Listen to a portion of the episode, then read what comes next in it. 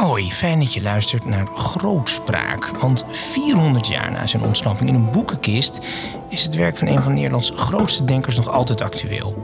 Vanuit Slot Loevestein is dit Grootspraak, de monddood-editie. Het is een podcast waarin ik, Jort Kelder, gesprekken voer in de geest van Hugo de Groot.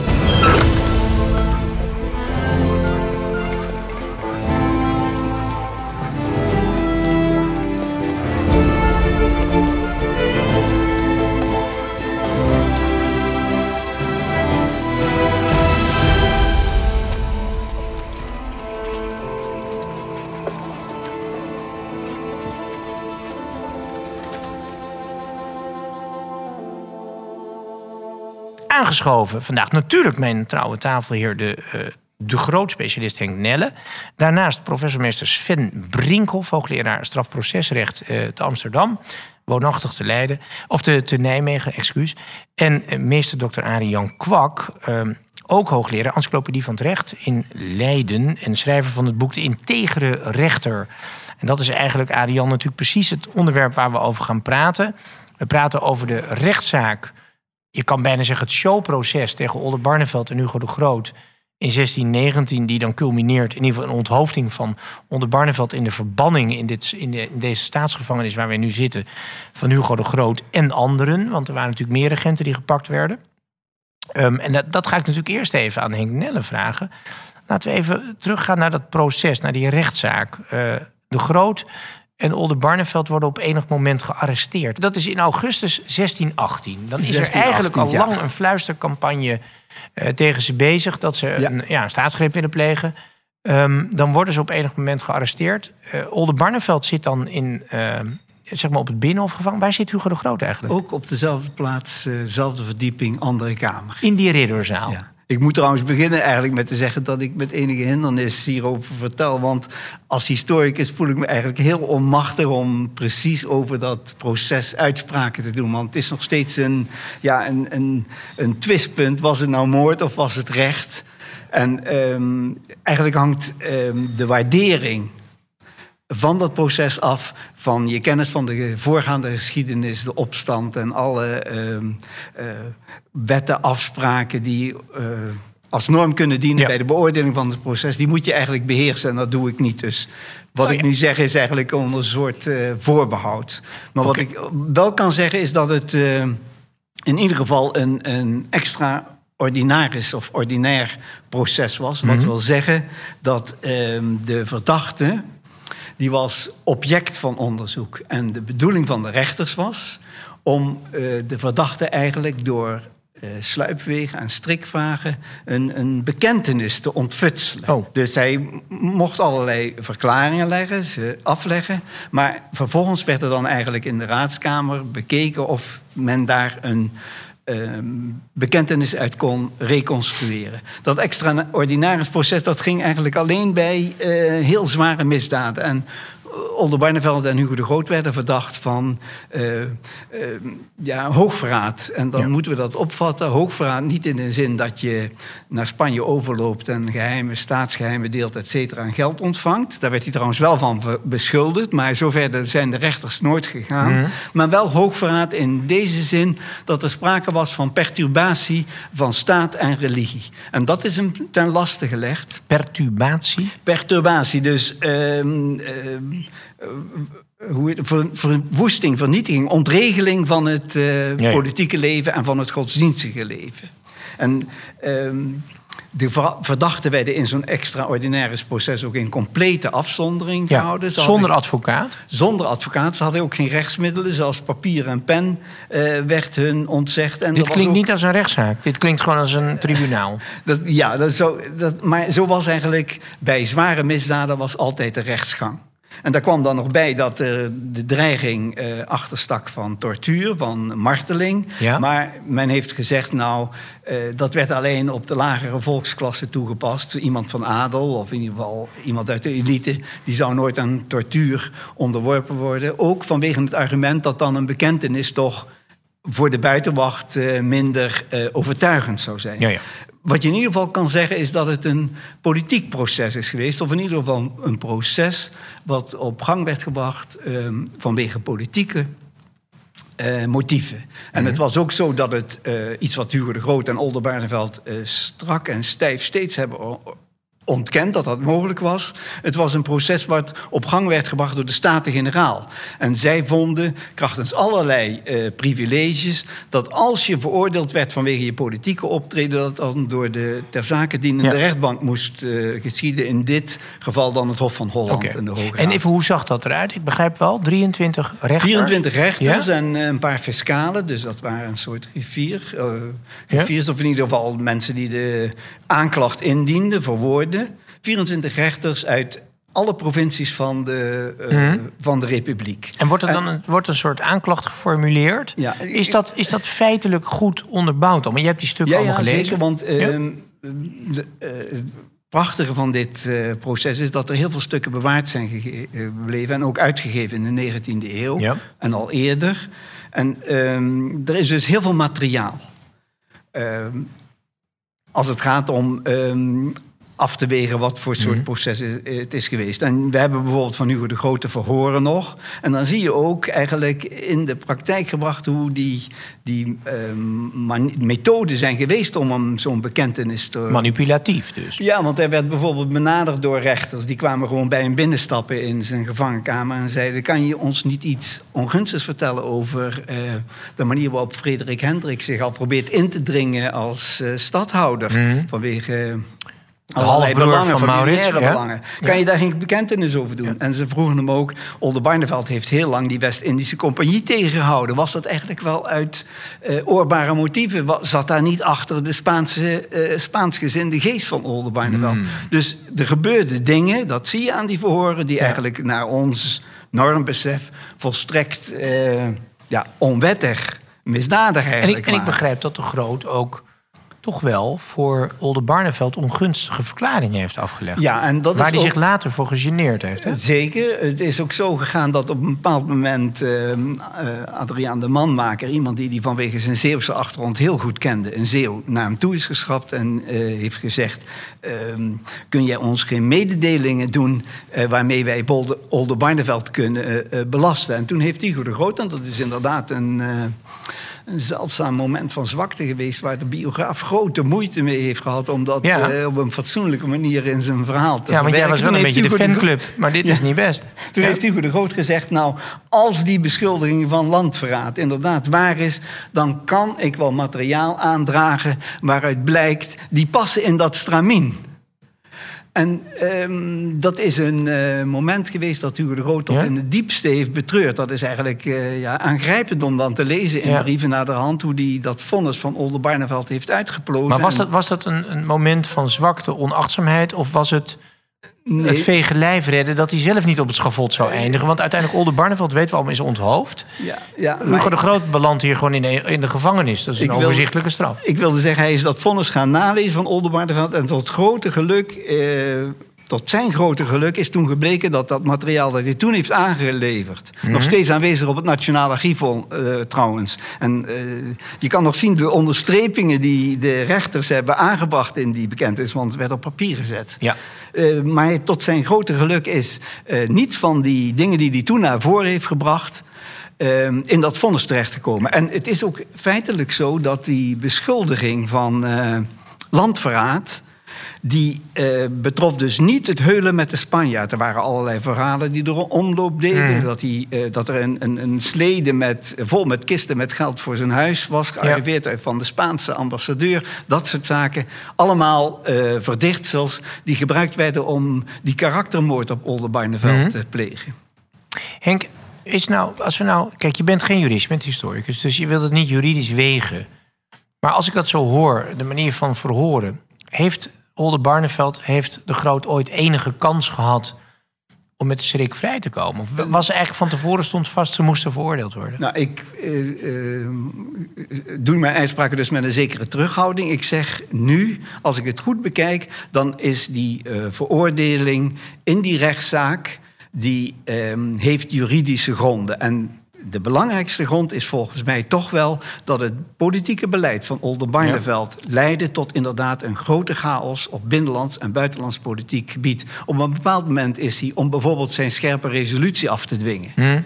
eh, heeft hij gezegd: als dat niet door kan gaan, dan zal ik de consenten, dus de geldmiddelen die wij als Hollandse staat, als provincie ter beschikking stellen, die zal ik achterhouden. Ja. Ehm, er dreigde dus ook op financieel gebied. Een beetje eh, wat in Amerika nu met de begroting ja, plaatsvindt. Heeft met die gewerkt. Hij heeft ook op andere manieren, omdat hij nu eenmaal in de Staten van Holland een meerderheid had. ja. Die opbokste tegen de, min, de, de meerderheid in de Staten-Generaal, waar Mhm. dus de tegenpartij eh, de meerderheid had. Heeft hij op allerlei manieren politiek proberen uit te buiten. Op zo'n manier Mhm. dat je op een bepaald moment in 16, 17, 18 kunt afvragen: was dit nog wel verstandig beleid? Mhm. Als je intolerantie of tolerantie wil afdwingen door zelf intolerant te worden, en dat Ja. gebeurde op godsdienstgebied, en je creëert vervolgens een chaos, dan vind ik dat het sterke argument bij Maurits en zijn partij was. We moeten hier een einde aan maken, want straks begint de oorlog weer. Ja, ja. En er was een grote angst voor die oorlog. Die kun- zo- zou je dan kunnen zeggen, kijk, eh, even voor de eh, mensen die nou ja, nu inschakelen op deze podcast, de eerdere aflevering nog niet hebben gehoord. Ehm, het ging natuurlijk om het conflict, heel grof ges- geschilderd, tussen de kooplieden die geen zin hebben in oorlog kost geld, en de prinsgezinden die, eh, nou ja, die, het, die, die oorlog willen voeren, want grondgebied, eh, adel, trots, noem maar op. Nou, dat zijn twee hele grote facties. Die zie je altijd in de geschiedenis wel terugkomen.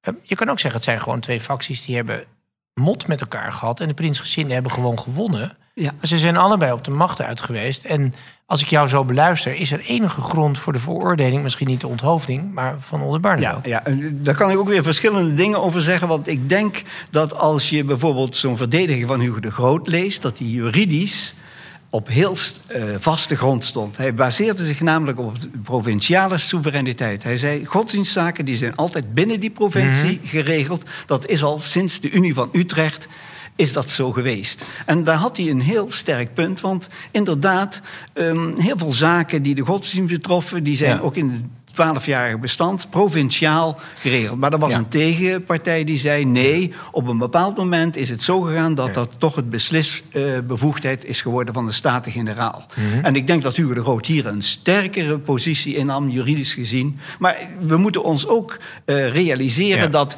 in die eh, republiek, die nog een, een, een staat in eh, ontwikkeling was, heel veel zaken niet Ja. waren vastgelegd. Dus we moeten niet denken dat, dat er al een vast Ja. eh, systeem bestond van rechtsregels die je in dat soort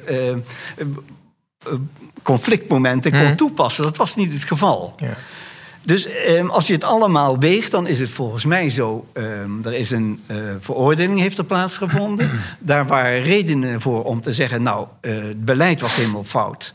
Dus we moeten in de situatie moeten we ingrijpen militair. Dat deed dan de opperbevelhebber Mag, eh, Maurits, Maurits. ja. Maar aan de andere kant eh, is vervolgens dat proces heeft plaatsgevonden. En dan kun je toch weer op verschillende momenten, onder andere op basis van die provinciale soevereiniteit, vaststellen dat Hm. het, het recht met voeten werd getreden. Dus het is een dubbelzijdige kwestie. Als, als Oldenbarneveld kant had gewonnen, want Oldenbarneveld wordt gepakt, veroordeeld, de Groot. Hoeveel zijn er eigenlijk op dat moment veroordeeld? Er zijn zes of zeven trabanten van. Oldenbarneveld zijn er Ja. veroordeeld. Ehm, en sommige bij verstek. Machtige regenten. Ja. Eh, waaronder dus de Groot. Eh, stel nou, zij hadden gewonnen. Hadden wij dan nooit een koninkrijk gekregen? Ja, het is natuurlijk opmerkelijk dat eh, al in de tijd van Maurits waren wij gewoon een republiek. Maurits was in feite Stadhouder. als stadhouder en als eh, kapitein-generaal was hij de dienaar van de staten. En omdat Mhm. die soevereiniteit, die lag wel voor een gedeelte bij de Staten-Generaal, Mhm. want we hadden op het gebied van de oorlog die soevereiniteit doorgeschoven naar dat opperste lichaam. Zeker. Maar in heel veel andere zaken. Eh, en dat heeft Oldenbarneveld en nog veel krachtiger Maurits altijd benadrukt. Nee, maar, maar, lag die soevereiniteit bij de hè? provincie. Het is natuurlijk eh, hypothetisch, we, kunnen, we zullen hem nooit kunnen beantwoorden. Maar het is toch leuk om erover te filosoferen. Hier aan de tafel voor grootspraak. Ehm, als de regenten onder leiding van Oldenbarneveld dit hadden gewonnen. Dan waren, nou kijk, wij zijn pas een koninkrijk in de 19e eeuw geworden. Maar dan waren die oranjes natuurlijk van toneel verdwenen, Ja, of ik niet? weet niet, dat is als redeneren. Want ik bijvoorbeeld, er is, ehm, van Maurits is gezegd dat hij na eh, die veroordeling van eh Oldenbarneveld een grote fout heeft gemaakt. Hij had op dat moment zelf gratie aan moeten bieden. Ja. Hij wist eigenlijk ook wel... Ja, want Oldenbarneveld was te trots. nee, Hij heeft dat nooit Die aangevraagd, zou dat niet doen. Want ook Nee. binnen de familie van de Groot was de consensus... we moeten niet zelf gratie aanvragen... want dan impliceert dat een Ja, schuldbekentenis. maar, ja, maar even Henk, En dat wel was het- groot wat Ja, je nu zegt. Dat betekent we- wel de dood. Het betekent de dood, maar bedenk wel dat in de 17e eeuw eer Ja? iets heel wezenlijks Ja, was. ja. En Oldenbarneveld die zei... ik heb nooit tegen de regels zoals ze bestaan... ik heb daar nooit tegen gezondigd. Ook eh, Hugo de Groot zei... en in dat opzicht, hij was misschien wat wankelmoedig. Ik wil daar trouwens ook nog een pleidooi houden voor het feit... ik zou dat zelf ook zijn. Je wordt in afzondering gehouden. Je spreekt zes maanden geen eh, familie. Mm. Je hebt geen advocaat. Je krijgt alleen af en toe eh snode rechters op bezoek... die jou proberen dingen te ontfutselen... Zwakke om daar vervolgens mee in het geheim weer weten werken. Er was complete afzondering Mhm. tot het aan de uitspraak van het vonnis. Dan denk ik, dan mag ik wel als biograaf even over mijn hart strijken en zeggen: Nou, jongen, ehm, dat heb je eigenlijk misschien niet helemaal goed gedaan, niet heel erg moedig, maar ik begrijp dat wel. En naderhand heeft hij natuurlijk wel zijn verhaal gehaald, want hij heeft, Zeker. eh, hij heeft die veroordeling van Oldenbarneveld, die heeft hij dus in geschriften heeft hij die aangevallen. En in heel veel opzichten is, is dat wat hij naar voren heeft gebracht nooit weer legt. En het, het blijft dus altijd Maar een- goed, het, het leven van Hugo de Groot eindigt in die zin tragisch... dat hij daarna natuurlijk op Loevestein belandt... en Maurits, met de beroemde boekenkast Vlucht... dan Nederland uit Ja. moet en de rest van zijn leven eigenlijk buitengaats is. Ja, een gefrustreerde balling blijft. Maar ik wil nog één ding zeggen. Dat van Maurits is gezegd dat hij eigenlijk die smaad van eh, die veroordeling en die executie van Ja. eh, de grootste staatsman uit de 17e eeuw, Mhm. ja, die eh, heeft hij laten gebeuren. En daar heeft hij toch eigenlijk wel een, een veer gelaten, moet ik zeggen. Ook in politiek opzicht. Ja. Dat Nou wordt ja. weer bestreden Het- door anderen. Want die zeggen, nou, Maurits bleef toch het centrum van de Staten-Generaal... en de leider van de, van de nationale Mm. politiek. Maar ik denk dat, dat als er een smet op de faam van de Oranjes ligt... dan moeten we die daar eh, zoeken. We zagen het, ik denk twee, drie jaar geleden... toen eh, de koning op zijn verjaardag een bezoek aan Amersfoort bracht... dat er dus een verklede Oldenbarneveld stond. En dat was door de tv werd dat beschreven als een bijzondere ontmoeting. Uiteraard geen nazaat. Want Oldenbarneveld is geboren in Amersfoort. Het, het is nog steeds de, de, moord op de, de van de De Wits... eh Johan Cornelis de Wit en Oldenbarneveld blijft natuurlijk een enorme smet op hun Ja, ook omdat Oh, daar natuurlijk We onze- gaan naar de rechters, Ja. althans naar de eh, Ik wil nog even zeggen dat Ja. daar de, eh, de tegenstelling tussen staatsgezin en prinsgezin aan opgangen is. En die heeft jarenlang politiek in Nederland bepaald. natuurlijk. Ja, en later nog de patriottentijd, noem maar op. Komt allemaal terug. Heren, we hebben natuurlijk nou ja, Sven eh Brinkhoff aan tafel en Arian Kwak. Ik gooi hem even voor wat jullie hier horen van dit proces. Jij hebt de integere rechter geschreven. Ik weet niet of de rechters die 24 van Oldenbarneveld hier eh, eh, je boek zouden halen met een, met een krulletje. Ze zouden het boek halen met eh, prachtige casussen van hoe het niet moet. Dat is duidelijk. Maar goed, het- Ja. je moet het allemaal in de context van Ja. de tijd begrijpen. Dat is ook heel duidelijk. Ik kan er ook uren naar luisteren wat die context van dat verhaal is. Maar ehm, eh, ik denk eh, vanuit mijn juridische perspectief dat dit duidelijk een politiek eh, proces was. dat hier een, ja, een machtsstrijd is uitgevochten. Mhm. Politieke En, processen zijn van alle tijden. die worden nog steeds dagelijks gevoerd. Noem Eh, één. nou ja, ik, ik hoef niet heel ver te reizen, maar het is wel een paar honderd kilometer verderop. In Rusland worden politieke processen gevoerd. Hè. Is niet zo heel lang geleden, bijvoorbeeld, dat, was, dat is een, een van die processen die ook heel duidelijk. ehm, Mhm. Eh, de Nederlandse pers heeft gehaald. Een eh Oekraïense piloot eh, die is op, opgepakt op Oekraïns grondgebied, naar Russisch grondgebied is gebracht. Vervolgens daar berecht wordt. Er is er twee dagen lang vonnis uitgesproken. Zo gaat het in, in Rusland. Ze kregen een hele lange gevangenisstraf. Maar drie dagen later is ze uitgewisseld. eh, voor, voor, voor een paar Oekraïense militairen. Ja, ja. En dan weet je dat dit een politiek proces was. Het is gewoon een ruilmiddel. Het is gewoon handelswaar. gebruikt. Ja. En ja, je zo gaat, gaat dat in dat soort van landen. huis. Er wordt in Nederland vaak gezegd... kijk naar de Urgenda-zaak, kijk naar de Wilderszaak...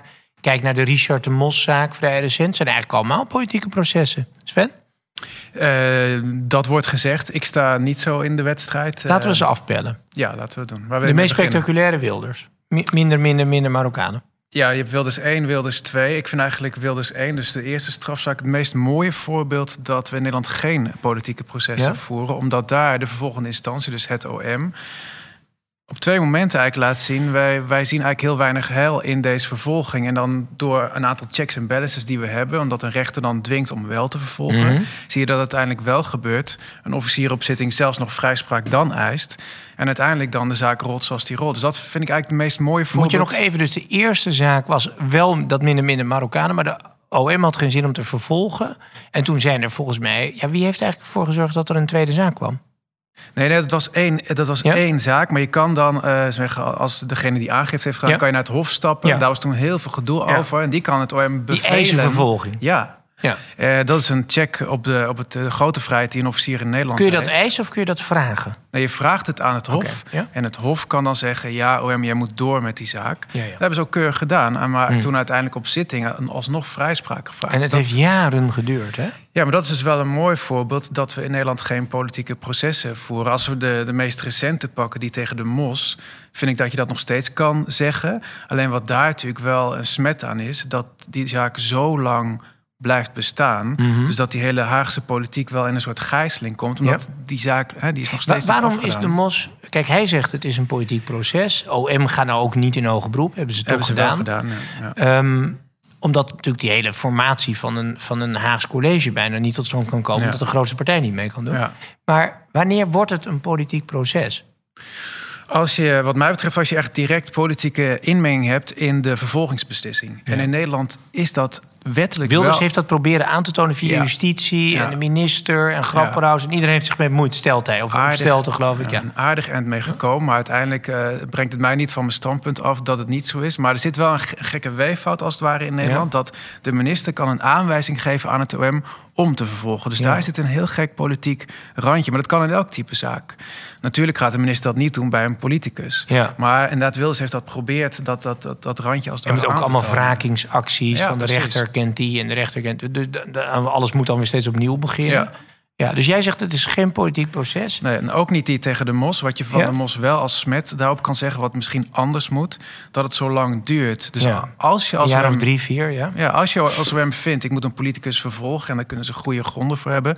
doe zo'n zaak dan snel af. Daar heb je ook rechters voor nodig. Maar dat, dan heb je ook snelle Ja. duidelijkheid. En zou je zeggen bij eh, zaken die potentieel politiek brisant zijn... moet je als OM wel zo zeker van je zaak zijn... dat je eigenlijk niet kan verliezen. Want anders is de schade maatschappelijk... en voor de juridische, eh, voor de juristerij veel groter. Ja, want ik neem aan, ik weet niet hoe jullie dat zien, Arian... heeft, eh, eh, laten we zeggen, de magistratuur schade opgelopen... door de zaak De Mos? Nou, dat is misschien nog wat te vroeg om te zeggen, want er is, we zijn allemaal heel erg verdeeld over eh, de- deze uitspraak. Maar, maar misschien daar voorafgaand. ehm, er staat niet in de sterren geschreven wat een politiek proces is, wat een juridisch proces is. Het is allemaal een kwestie van framing, wat mij betreft. Hè. Dus eh, rechters die, die framen dingen juridisch. En dat betekent dat een zaak wordt gedepolitiseerd. En hoe doe je dat dan? Door heel erg op het individu te gaan inzoomen. Te zeggen, jij hebt dit en dat gedaan. Dit staat er in de wet. Dat betekent dat eh, de gevolgen, als ik kan bewijzen dat jij dat gedaan hebt wat er in die wet staat, Mhm. de gevolgen eh, zijn dat je een bepaalde straf. eh, dat is depolitiseren door helemaal op het individu en het individuele Ja.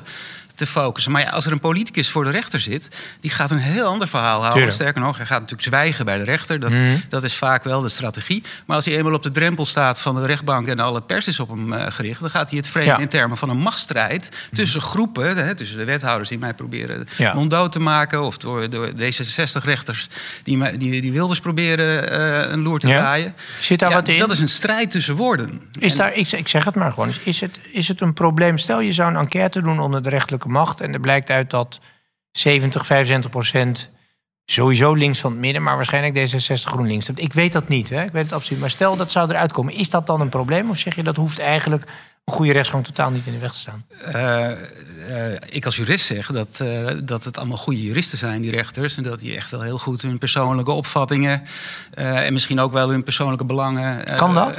kunnen scheiden van dat specifieke oordeel dat van ze Mhm. gevraagd wordt. We hadden het net eerder aan deze tafel over pluriformiteit, over diversiteit, over verschillende smaken, kleuren, alles aan tafel. Als de rechterlijke macht, stel de rechterlijke macht zou alleen maar links-liberaal zijn. Of is het, ja, ik zeg het maar. Het is natuurlijk wel een discussie die je vaak Nee, ziet. het hè? klopt wel. Wat aan de Vooral over- bij die Urgenda-zaak, zullen we Ja, het ook ook. over hebben, zie je dat natuurlijk toch die rechters zijn voor klimaatbeleid misschien, weet ik niet. Dus ja, dan krijg je zo'n uitspraak. Ik, ik parafraseer de, de, laat ik zeggen, de columns in de Telegraaf. Ik ga wel een heel wat met je mee. En da- daar sta ik ook al voor dat je als rechtspraak nog diverser moet worden op allerlei manieren. Maar dat is gewoon goed dat je alle afspiegelingen van de samenleving als het ware in je bergt. Tegelijk wat aan de overkant wordt gezegd, klopt ook. Op het moment dat de rechters een toga aantrekken, dan staan ze los van hun privémeningen en gaan ze als professionals Dat is de theorie, hè? Is dat ook zo? Weten we dat? Ja, dat, is dat ga je nooit weten. Natuurlijk, uiteindelijk, de mens eh, is altijd ook... maar daarom heb je Mhm. natuurlijk ook altijd driemanschap... om dat als het ware wat te fileren. Dan zeg jij misschien... ja, maar als dat alle drie, eh, uit, die alle drie uit een bepaalde kleur komen... eh, politiek gezien, dan Ja. heb je dat nog. Ja. Ja, je kunt het niet helemaal uitvlakken. Maar Is, het, is het een probleem voor de rechterlijke macht, vind je? Is het eenzijdig?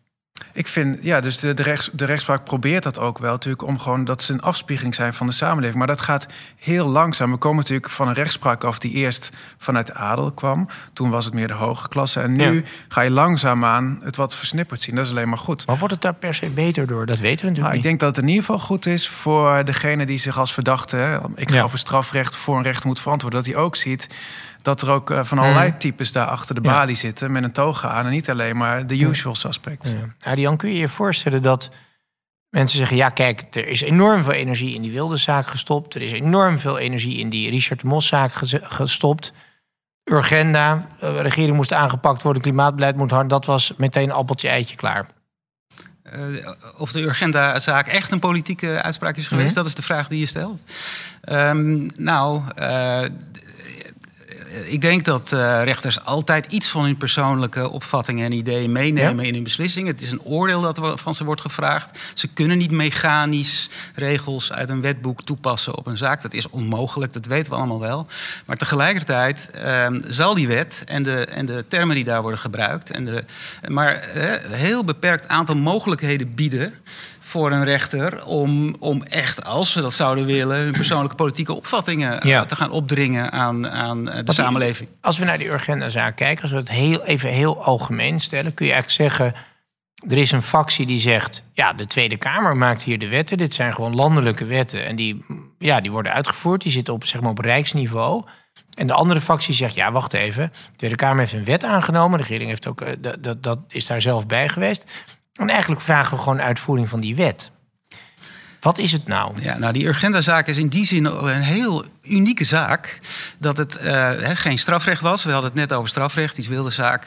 Eh, daar wordt, in het strafrecht wordt heel legalistisch ge- geredeneerd. Die rechter die zit echt met het wetboek ernaast in die raadkamer. Die zegt, wat staan hier voor, voor voorwaarden? Wat vind ik in, de, in het bewijsmateriaal? Is het echt één op één precies wat de wet vereist? Dan mag ik deze straf opleggen. Dan is er nog ruimte voor de strafmaat. Maar eh, de, de, de juridische grondslag, daar, die, die wordt echt heel erg strikt gevolgd. Maar een bedrijf kan Maar dan dit was een eigenlijk gehouden zaak. worden aan- Dit was een civiele zaak.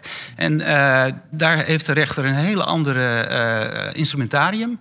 En eh, ik denk dat onder juristen er best een heleboel discussie is geweest... en nog steeds is over hoe watertight nou die juridische redenering was... die is gebruikt in die Urgenda-zaak. Daar is ook zeker een persoonlijke oordeelsvorming geweest. En er was ook ruimte voor. En hoe komt dat? Omdat dit voor een deel verdra verdragenrecht was. Er is EVRM is gebruikt als, Europees als, recht, ja. eigenlijk als hoogste, als hoogste grondslag. Nou, daar, dat levert als vanzelf de nodige interpretatieruimte. Met een enorme, ruime definitie van mensenrechten. En, Zeker. Ja. Hè? Dus hier is echt wel een constructie gemaakt. De, de rechter moet een uitspraak doen. Dus je kan, hij kan niet zeggen, nou, dit, ik word nu gedwongen in politiek vaarwater. De- Ja. eh, alles wat ik zeg, daarvan weet ik dat links zal boos zijn. eh, en rechts zal ook boos zijn. En misschien zijn er een paar mensen blij. Maar eh, de meeste mensen zullen denken dat dit een politieke uitspraak was. Maar hij moet, of zij moet, Hmm. een uitspraak doen. En in dit geval is de constructie die is bedacht om, eh, om Urgenda gelijk te geven... eh, is wel is juridisch gezien echt een houdbare en degelijke Ja. constructie. Dat zeg jij, ja. Dat is, dat, is, dat is wat, denk ik, wel een, een, in het algemeen... eh, Sven een- eens? Ja, en ik zit ook te denken... Beide professoren, dus jullie moeten dit weten. ja, Nee, ik zit ook te denken aan de vrijheid die een strafrecht heeft. Dus het klopt, voor een deel zit die eh, wat klemmen. Voor een ander deel is daar ook wel toch wel wat ruimte om... Ja, officieel gaat het zo. Je gaat als strafrechter eerst kijken wat voor bewijs is er. Heb ik daar voldoende van? En dan ben ik ook overtuigd. Maar het kan ook dat riedeltje andersom doen. En daarom is ook binnen het strafrecht wel meer ruimte. En in de agenda is inderdaad op een gegeven moment... daarom kom ik op dit punt. Uiteindelijk geldt denk ik voor heel veel rechters... ook als ze in raadkamer gaan nadenken over een zaak... Wat vinden wij hier nou van? Vinden we bijvoorbeeld of het strafrecht dat dit een schuldige verdachte is? En dan ga je kijken, hoe kunnen we dat opschrijven? En Ja. dat is de parallel met Urgenda. Op een gegeven moment ben je als rechter natuurlijk... zit je helemaal in die modus van dit, dit moeten wij zo uitspreken. En dan ga je het mooi dichttimmeren met EVRM en andere... Ja. Dus zo, maar zo is werkt dat gewoon. op zichzelf, heren, 400 jaar na Oldenbarneveld, showproces... ik mag het misschien niet zeggen van Henk, maar showproces zeg ik even... eh, niet zorgelijk dat we het daar nu over hebben. Dat toch die trias politica, dus de rechterlijke macht in dit geval... in dit soort, ja, is het nou politiek of niet... eigenlijk wil je hier helemaal niet komen. Wat is er gebeurd dat, we, dat het politiseert? Want dat doet het. Nee, ik, heb, ik, heb, ik zie dat eh, niet zo. Urgenda staat wat verder van mij af. Ja. Maar uiteindelijk, we, gaan, we hebben een hele strenge selectie... voordat we rechters tot het ambt toelaten. En daarna laten ze als het ware in de wei vrij. Laten we ze vertrouwen ze dat ze goede beslissingen nemen... met hun, al hun instrumentarium wat ze hebben. Ook dus in de, als er politici bijvoorbeeld worden vervolgd... dat ze dat wel spatzuiver doen. Ehm, ja, dus ik heb daar niet zo, niet zo moeite mee... dat het Nee. zo gaat zoals het gaat. Maar vind je het op zichzelf gunstig dat het zo'n discussie is? Want het is niet goed, denk ik, voor vrouw Justitia. Kijk, eh, ook, ik moet ook aan die De Moszaak denken... waar inderdaad je een heel overtuigd OM eh, krijgt... die echt forse strafeisen neerlegt. En Ja. tegelijk krijg je dan een heel stevig vonnis van de recht... die zegt van nou OM, dat jullie deze zaak hebben aangebracht... ik zie het er niet in. Dat is eigenlijk heel mooi. De Dat was Jacco Jansen, een Ja. zeer eh, interessante rechter. rechter. trouwens. Een rechter die Ja. groot gezag combineerde aan grote informaliteit, was mijn indruk. In Ja. dat, wat ik hem dat vonnis zag voorlezen. Die gaf eigenlijk les en hield toch een soort afstandelijke positie. Vond heel interessant. En wat ik dan... Ehm, maar ja. dus ik, en ik, ik heb ademloos naar dat vonnis zitten kijken. Zonder te weten waar het zou eindigen. ja. En wat, dat is lijkt me een goed teken, toch?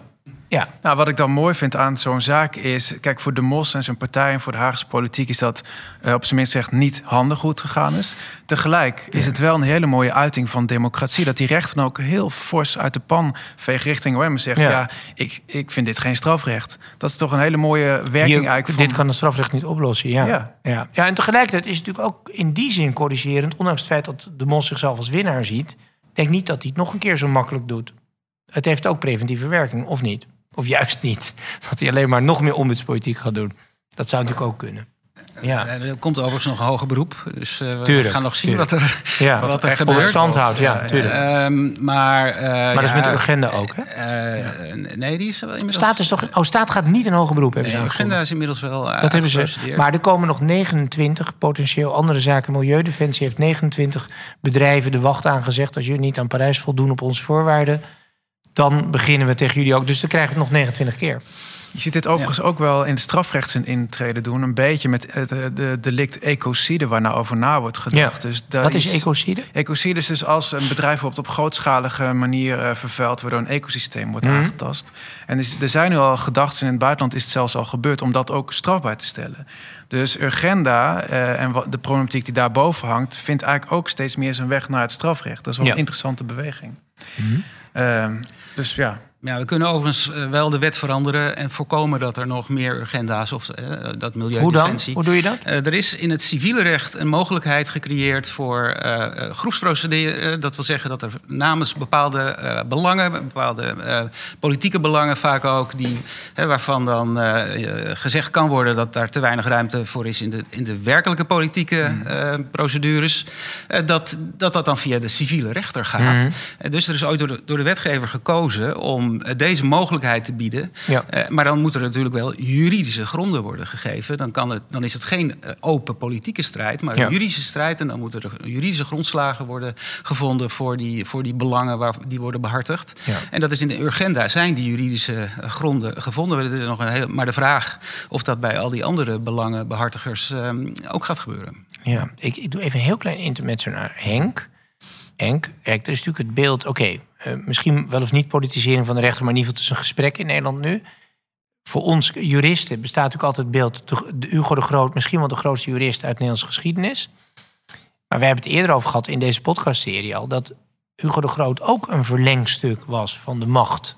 van de politiek, dienstbaar was aan de belangen van de republiek. Geen onafhankelijk denker en wetenschapper. Ja, zeker, dat was eh, eh, het geval. Maar je kunt zeggen dat hij dan toch meer optrad als een advocaat van de belangen van de Nederlandse Ja. Republiek. Eh, op de rechterstoel heeft hij nooit gezeten.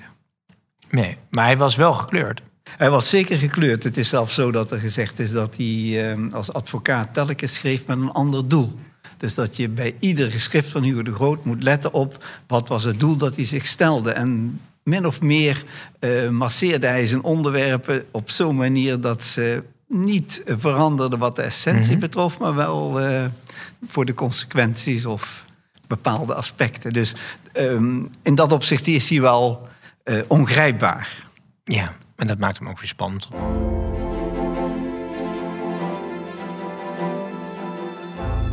Ik ga even naar een ander punt, Arie Jan Sven. Ehm, er wordt, wij- wij lezen als eenvoudige krantenlezers veel berichten over de overbelasting van de rechterlijke macht. Zowel het Openbaar Ministerie als vooral toch ook de zittende magistratuur, de rechters. Ehm, ja, ze kunnen eigenlijk die zaken niet aan. Er liggen er zoveel opgestapeld. Ze zullen ook wel dingen gaan afraffelen. Zien jullie dat gebeuren? Corona heeft het ook niet beter gemaakt. En eh, twee dingen eigenlijk. Er ligt een hele bult eigenlijk met kleine zaken die maar blijven liggen, blijven Ja. liggen. Omdat grote zaken, neem een Marengo of andere zaken, Ja. heel veel capaciteit wegslokken.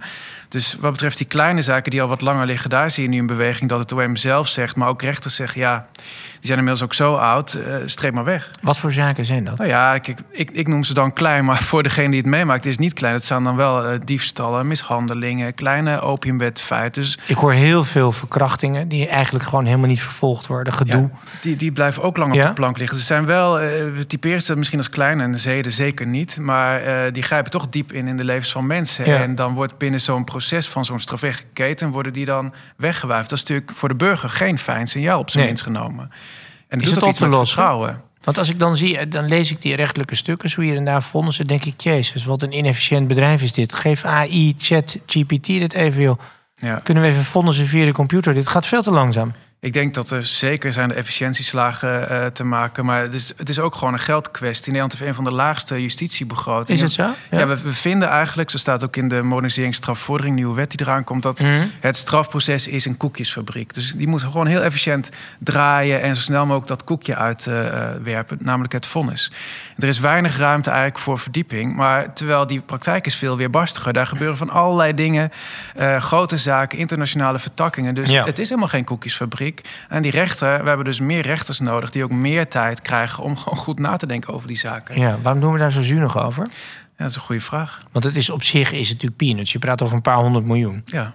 Dat, dat zouden ze aan moeten kunnen. Ja, en, Ja. Dan, en, en want wat, wat je nu doet is sowieso... Of denk je dat de politiek denkt van, ik hou jullie krap, ik hou jullie strak, want anders gaat het alleen maar in bureaucratie en in nog meer verkeerde computersystemen aanschaffen. Hm, dat weet ik Want dat is ook gebeurd. Ik geloof dat 200 miljoen weg is in een softwareproject van de Dat klopt, wat gestrand Niet is. handig, ja, hè? Dat klopt, kijkproject, Ja. dat klopt, ja. Nee, of dat erachter zit, weet ik niet. Normaal Eh, zou een minister erop aftreden, maar bij de rechters is het prima. Nee. Kan gebeuren, jongens.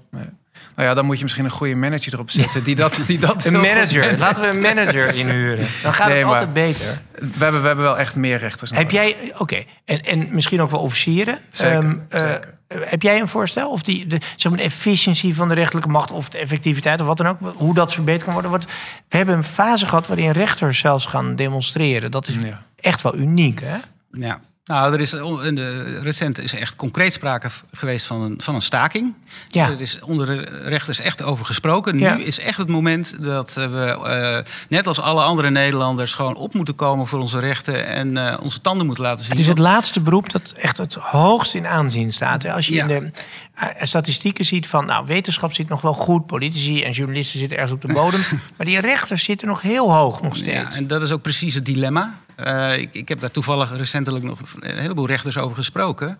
Eh, die willen graag wel eh, voor hun, eh, voor hun belang opkomen dat er gewoon meer kwaliteit wordt geboden. Ja. En ook meer vonnissen worden geveld. Ja. En dat die planken leeg worden. Eh, en dus harde middelen gaan gebruiken. Er is zelfs een stiptheidsactie zou echt al een enorme chaos gaan veroorzaken in onze rechtelijke macht. Laat staan stakingen, werkonderbrekingen. Ja. Maar ze voelen een enorme verantwoordelijkheid om ook als staatsmacht dat gezag dat de staat Nou, zij zijn het heeft laatste niet aan bastion, denk ik. Als Ja. dit sneuvelt, wat hebben we dan nog?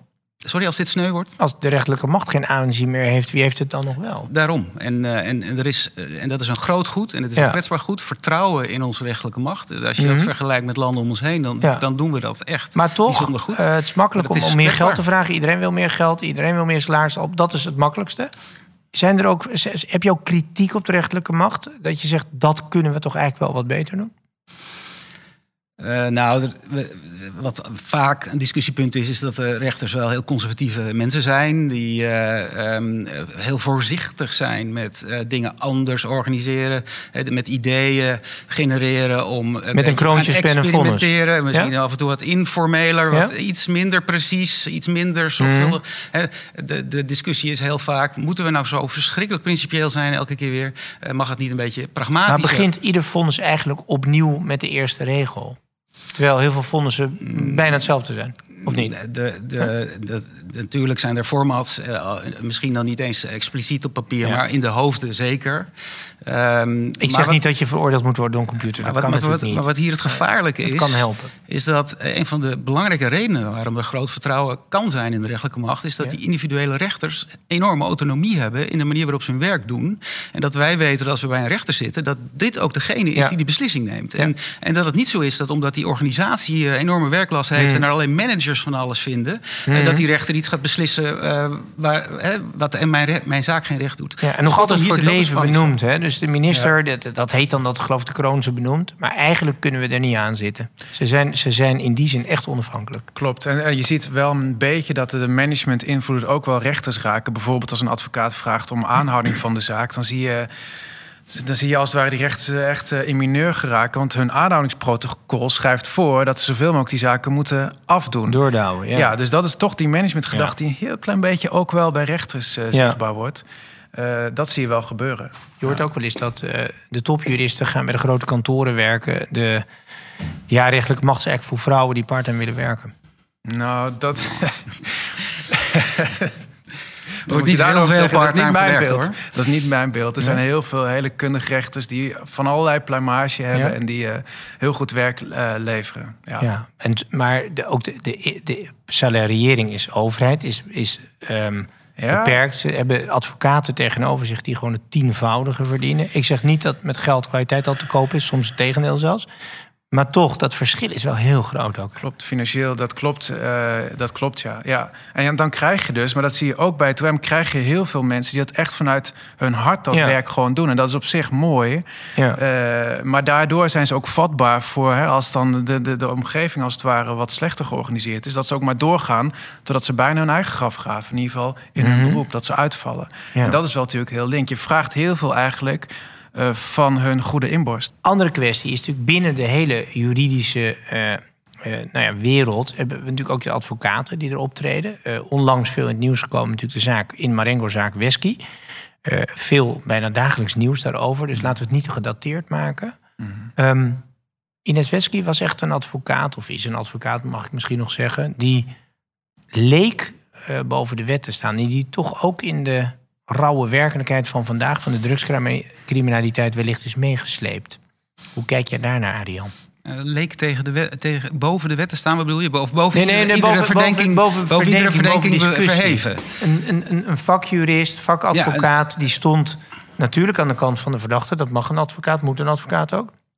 Maar die wel gezien werd als zeer integer. En die toch lijkt, ik zeg lijkt, want we weten het niet, meegesleept in een ja, in eigenlijk iets wat ons allemaal overspoelt, namelijk de drugswereld. Ja, nou ja, eh, we, we, hebben inderdaad te maken hier met een drugsmafia die buitensporig, buitensporig, driemaal buitensporig geweld gebruikt. Ja. En uh, dat tast ons allemaal aan. Dat uh, levert on, überhaupt onveiligheidsgevoelens in de hele samenleving op. Uh, en de staat die moet dat bestrijden met één hand op de rug. Kunnen we dat? Dat wil zeggen, dat moet met de hand in de wet. met, de, met de wet in de hand moet ik zeggen. Ja. en dat maakt het allemaal een stuk lastiger om dit ja. probleem goed op te lossen. wat ook een probleem is, is dat uh, natuurlijk, als, je een, als er een advocaat uh, wordt doodgeschoten, er ook in de advocatuur een enorme stress uh, ontstaat. Dirk Weersum. En, ja. en, dat betekent dat iedereen, dat in die, in die maffia, er is een hele goede reden is om te zeggen, hier gaat helemaal geen, geen, geen goed proces meer plaatsvinden. want die, we hebben, krijgen helemaal geen advocaat meer. Hè? We worden helemaal niet verdedigd. Um, maar er moet nu toch weer iemand. er moet, er moet iemand toch, aangewezen worden waarschijnlijk. Toch weer iemand dit gaan doen. Um, ja, nee, het is. Het Ik zou zeggen, iemand zonder familie, geliefde, kat, hond. er, zijn dus, er zijn al een aantal mensen die echt uh, zich voor dit, voor dit hogere doel hebben uh, opgeofferd en, en, enorme risico's ja. hebben genomen. Ja. eigenlijk gaat dit buiten wat, een, wat een, een, een beschaafde rechtsstaat kan doen. Maar waar hebben het eigenlijk nog? Kijk, we kunnen hebben over. Ze hebben het zo druk. En uh, computersystemen werken misschien niet. En gedoe over agenda. Maar dat zijn eigenlijk allemaal luxe praatjes als je de andere kant van het verhaal bekijkt.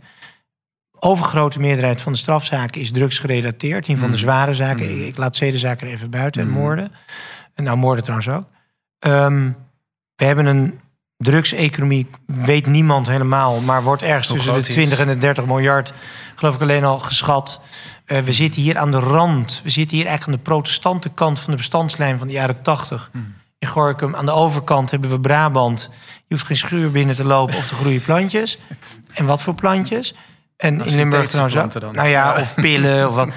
In ieder geval, er is, wij hebben een soort schaduweconomie hmm. van drugs. Nederland wordt wel eens een narcostaat genoemd, ook vanwege Rotterdam natuurlijk, die grote haven.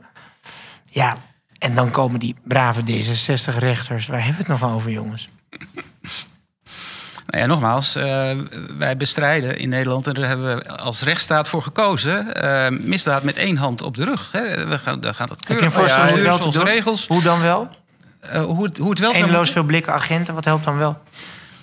Um, nou, uiteindelijk zal meer mankracht zal wel iets kunnen betekenen. Hè. Dus uh, natuurlijk, uh, politie uh, kan met mensentekorten, justitie, de rechtelijke macht kan met mensentekorten. Mm. En als er heel veel naar dit soort zaken moet, ja, dan gaat het weg bij andere ja. zaken. En dat levert ook weer um, legitimiteitsverlies en, en wantrouwen op. Want Sven, we kunnen zeggen, ja, nee, we, we, moeten meer rechters en het moet allemaal. Maar je kan ook zeggen, zullen we het probleem, de oorzaak erachter, criminaliteit is aanpakken, dan heb je minder rechters nodig. Het type product bedoel je waar ze in zitten? Bijvoorbeeld. Ja, maar dat is ook, eh, dat hebben we aan de drooglegging in Amerika wel gezien. Dan verschuift het wel weer. Dus criminaliteit en die georganiseerde variant, die gaat altijd in iets zitten wat lucratief is. Jij zegt het is maatschappelijk constante. Ja, natuurlijk. Nu is het dan toevallig cocaïne. En daar zijn de winstmarges wel dermate groot dat de belangen ook dermate groot zijn dat zo'n zaak Marengo gewoon één zwart gat is en iedereen er eigenlijk in meetrekt als concrete uitvloeisel. Ehm, maar ja, ga je, ik bedoel, legalisering van cocaïne, dat ga je misschien landelijk al niet eens voor elkaar krijgen. Laat staan internationaal. Dus dat is gewoon zinloos om daarover te praten. Wat je doet en wat we al doen, we rechtsstaat Nederland, is processen voeren, opsporing, optimaliseren, levenslang eisen en opleggen. En nog steeds is het probleem levensgroot. Dus je staat van de ene kant mhm. ben je ook failliet als strafrechtelijk bedrijf. Want je doet alles wat je kan tot en met levenslang. Ja. En toch worden liquidaties tegenwoordig gepleegd voor een x aantal duizenden euro's. Dus die, die straffen schrikken niet af. Het gaat gewoon om het geld. Het geld regeert, het geld wint. En uh, zolang dat zo is, ja, is dat toch wel een hele donkere wolk die over Nederland hangt. Ook als je daarbij betrekt dat de havens van Rotterdam en Antwerpen de laatste mhm. jaren zoveel meer populair zijn geworden voor de internationale drugshandel. Ja. Dus wij zijn gewoon in het oog van de storm komen te zitten. Maar kennelijk zijn wij uh, het putje, het afvalputje voor criminaliteit, Antwerpen, Rotterdam. Dat hebben we dan wel zelf laten gebeuren? Of is dat gewoon omdat het een haven is, onverdedigbaar? Onverdedigbaar, want je zit natuurlijk ook met gigantische economische belangen van containers. zeker als je praat over moeten. fruit, die moeten door. Uh, als je het echt wil aanpakken, dan moet je op een 100% controle zitten. En zelfs al doe je dat, dan gaat het naar de kleine havens... of dan mhm. gaat het, worden die containers gedumpt in zee. Ik bedoel, het is adaptief. De georganiseerde criminaliteit is adaptief. Ze altijd meebewegen met wat de overheid doet. Dus dat is een cynische bril, maar het is wel eentje die we op moeten zetten. Ik word hier best wel somber van. Nou ja, uh, je kunt ook zeggen dat uh, de Nederlandse democratische rechtsstaat nog steeds bestaat. Absoluut. Hè? En, uh, en, en, en ook veel legitimiteit heeft. Hè? Want is, ja. er, kunnen natuurlijk. de meeste mensen raakt het natuurlijk niet, hè? Die, die drugs. Ze gaan misschien naar een festivalletje in de zomer, mikken er een pilletje in of nemen wat kook. Maar het, het zijn gescheiden werelden bijna. Ja, dus die, dus zij nemen de, de gebruikers nemen de verantwoordelijkheid duidelijk niet. Uh, Maar uh, tegelijkertijd, er zijn onveiligheidsgevoelens in Nederland. Uh, onveiligheidsgevoelens mhm. kunnen onze democratische rechtsstatelijke instituties bedreigen. Ehm, en vooralsnog lijkt dat mee te vallen. Lijkt eigenlijk, lijken onze democratische rechtsstatelijke instituties heel gezond, heel sterk, veel legitimiteit te hebben. En dat betekent dat we blijkbaar met z'n allen toch erop vertrouwen mhm. dat die staat met die één hand op de rug uh, ook overwinningen, ook successen zal boeken. Je zou toch ook, Arjan, kunnen zeggen: we hebben ermee te leven. Het is gedoe. Het kost heel veel capaciteit bij de politie en met rechterlijke macht. Maar ach, de meeste burgers hebben er niet zoveel last van. eh, dit is wat het is. Nou, het, het, het heeft wel een grote symboolwerking. Nogmaals, het heeft allemaal wel, het raakt ons allemaal op hele diepe emoties die we hebben over de veiligheid die we Hm. ervaren in onze gemeenschap. Ja? Maar er worden Ehm, toch heel en- weinig mensen geliquideerd, alleen in het eigen Nou, milieu. ja, dus zou ik zeggen, dat ruimt lekker op. We zien, we zien, we zien wel nu een aantal liquidaties, hè, als echte juridische professionals. eh, Zeker. we- is het, is ook van kwaad Peter tot erger, geweest. We hebben officieren gehad die eh, ernstig zwaar be- bedreigd en dus beveiligd moesten worden. Nee, dat is waar. Eh, maar nu hebben we echt een advocaat die. en, we, we zien dat. Nee, sorry, niemand- ik heb dat te snel gezegd. Dat is natuurlijk Dus- Dat is dus echt de- overgeslagen naar de, laten we zeggen, naar de, of ja, wat noem je, de, naar onze wereld. Zou De bovenwereld. De bovenwereld, ja. Nou ja, en wat, en wat dan misschien het grote gevaar kan zijn. Hè, als de onveiligheid te groot wordt, dan gaat de, de democratische rechtsstaat gaat legitimiteit verliezen. Ja. En dan zullen er steeds meer mensen zijn die zeggen: we willen gewoon een sterke man. En die gaat gewoon dit oplossen. Eh, maar nog steeds hoor je dat bijna niet. Dat er mensen zijn, het is zo gevaarlijk, onveilig. Deze staat kan mij niet meer beveiligen. Eh, eh, die, die groep die, die, die blijft gelukkig klein. Ik geloof dat, de dat is wel het BK, voorland. hè. BKDB Dat of is zo, zeg maar die voorland. dienstbeveiliging, Koninklijk Huis en, en diplomatie, zo, dat die een mannetje of duizend nu in dienst hebben. Alleen maar om een, nou ja, een aantal, zeer groeiend aantal mensen te beveiligen. Van journalisten tot, tot rechters, tot politie, van alles. Ehm, ten slotte, ehm, Henk Nelle, na het proces op eh, Van Olde Barneveld en eh, Hugo de Groot... die slinks in zijn boekenkast het hazenpad koos... ehm, kwam er een, periode van, eigenlijk een periode van stabiliteit. Maurits nou ja, overlijdt een paar jaar later. Dan Frederik Hendrik een glorieuze stadhouder, de stedendwinger. Dan komt de 1648 Vrede van Münster. Dan gaan we nog leuk, eh, twintig jaar lang heel rijk door. En dan krijgen we mot met de Engelsen. Nou goed. Ehm, het ging eigenlijk niet zo slecht daarna. Het kan ook weer goed komen, of niet? Ik weet niet goed hoe ik daar antwoord Ja, op want ik wil niet zo depressief eindigen. Ja, nee, dat begrijp ik. Nou, het is voor mij toch moeilijk om iedere keer weer naar die 17... Nou, als ik jullie verhalen hoor, hè, die me echt interesseren. Toen waren we toch ook Om allemaal aan de terug- pijptabak en aan de jenever. En dan wat hadden we allemaal voor Om drugs toen? terug te keren naar de 17e eeuw. En ik wil eigenlijk eh lief besluiten met eh, een opmerking van Hugo de Groot. Ja. Toen hij te horen kreeg eh, wie dat nu eigenlijk waren, die 24 gedelegeerde rechters. En toen werd hij heel boos, want hij zei... er zijn maar 12 juristen bij, de anderen die hebben van rechtskennis geen kaas gegeten. En wat nog erger is, zei hij, sommigen kennen helemaal geen Latijn. En zo was toen die situatie.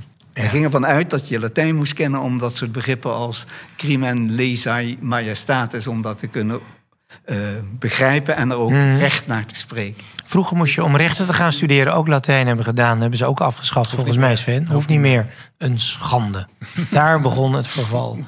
Ehm, heren, mag ik u danken eh, voor dit prettige gesprek. Maar toch ook een beetje somber. Laten we hopen dat het goed komt met de kwaliteit van de rechterlijke macht. En dat alsjeblieft het proces niet gepolitiseerd wordt. Dan wordt volgens mij niemand beter van uiteindelijk. Ehm Henk Nelle, dank. Dit was eh, de laatste voorlopig even. We gaan nog wel een gesprek met de leenheren van Loevestein voeren. Ehm, maar we zitten nu eh, ja, even aan het rondje. eh, de grote hebben we nu gehad. Eh, meester Sven Brinkhoff en meester Jan Ari, Kwak. Ehm, dank jullie wel. Ik zou bijna zeggen amen, maar dat is wel een beetje te religieus. Dank. En dan zeg ik een tikje plechtig. Dank voor het luisteren, want dit was Grootspraak, de mond-dood-editie. Een podcast van de stichting Vrienden van Slot Loevestein. Een podcast productie en naar een idee van Frank van Horen. Redactie Pieter Willemsen, techniek en montage Frederik Middelhoff. En de muziek is, wederom, van Toon Vieira. Met dank aan voorzitter Stefan Bergman van de stichting Vrienden van Slot Loevestein.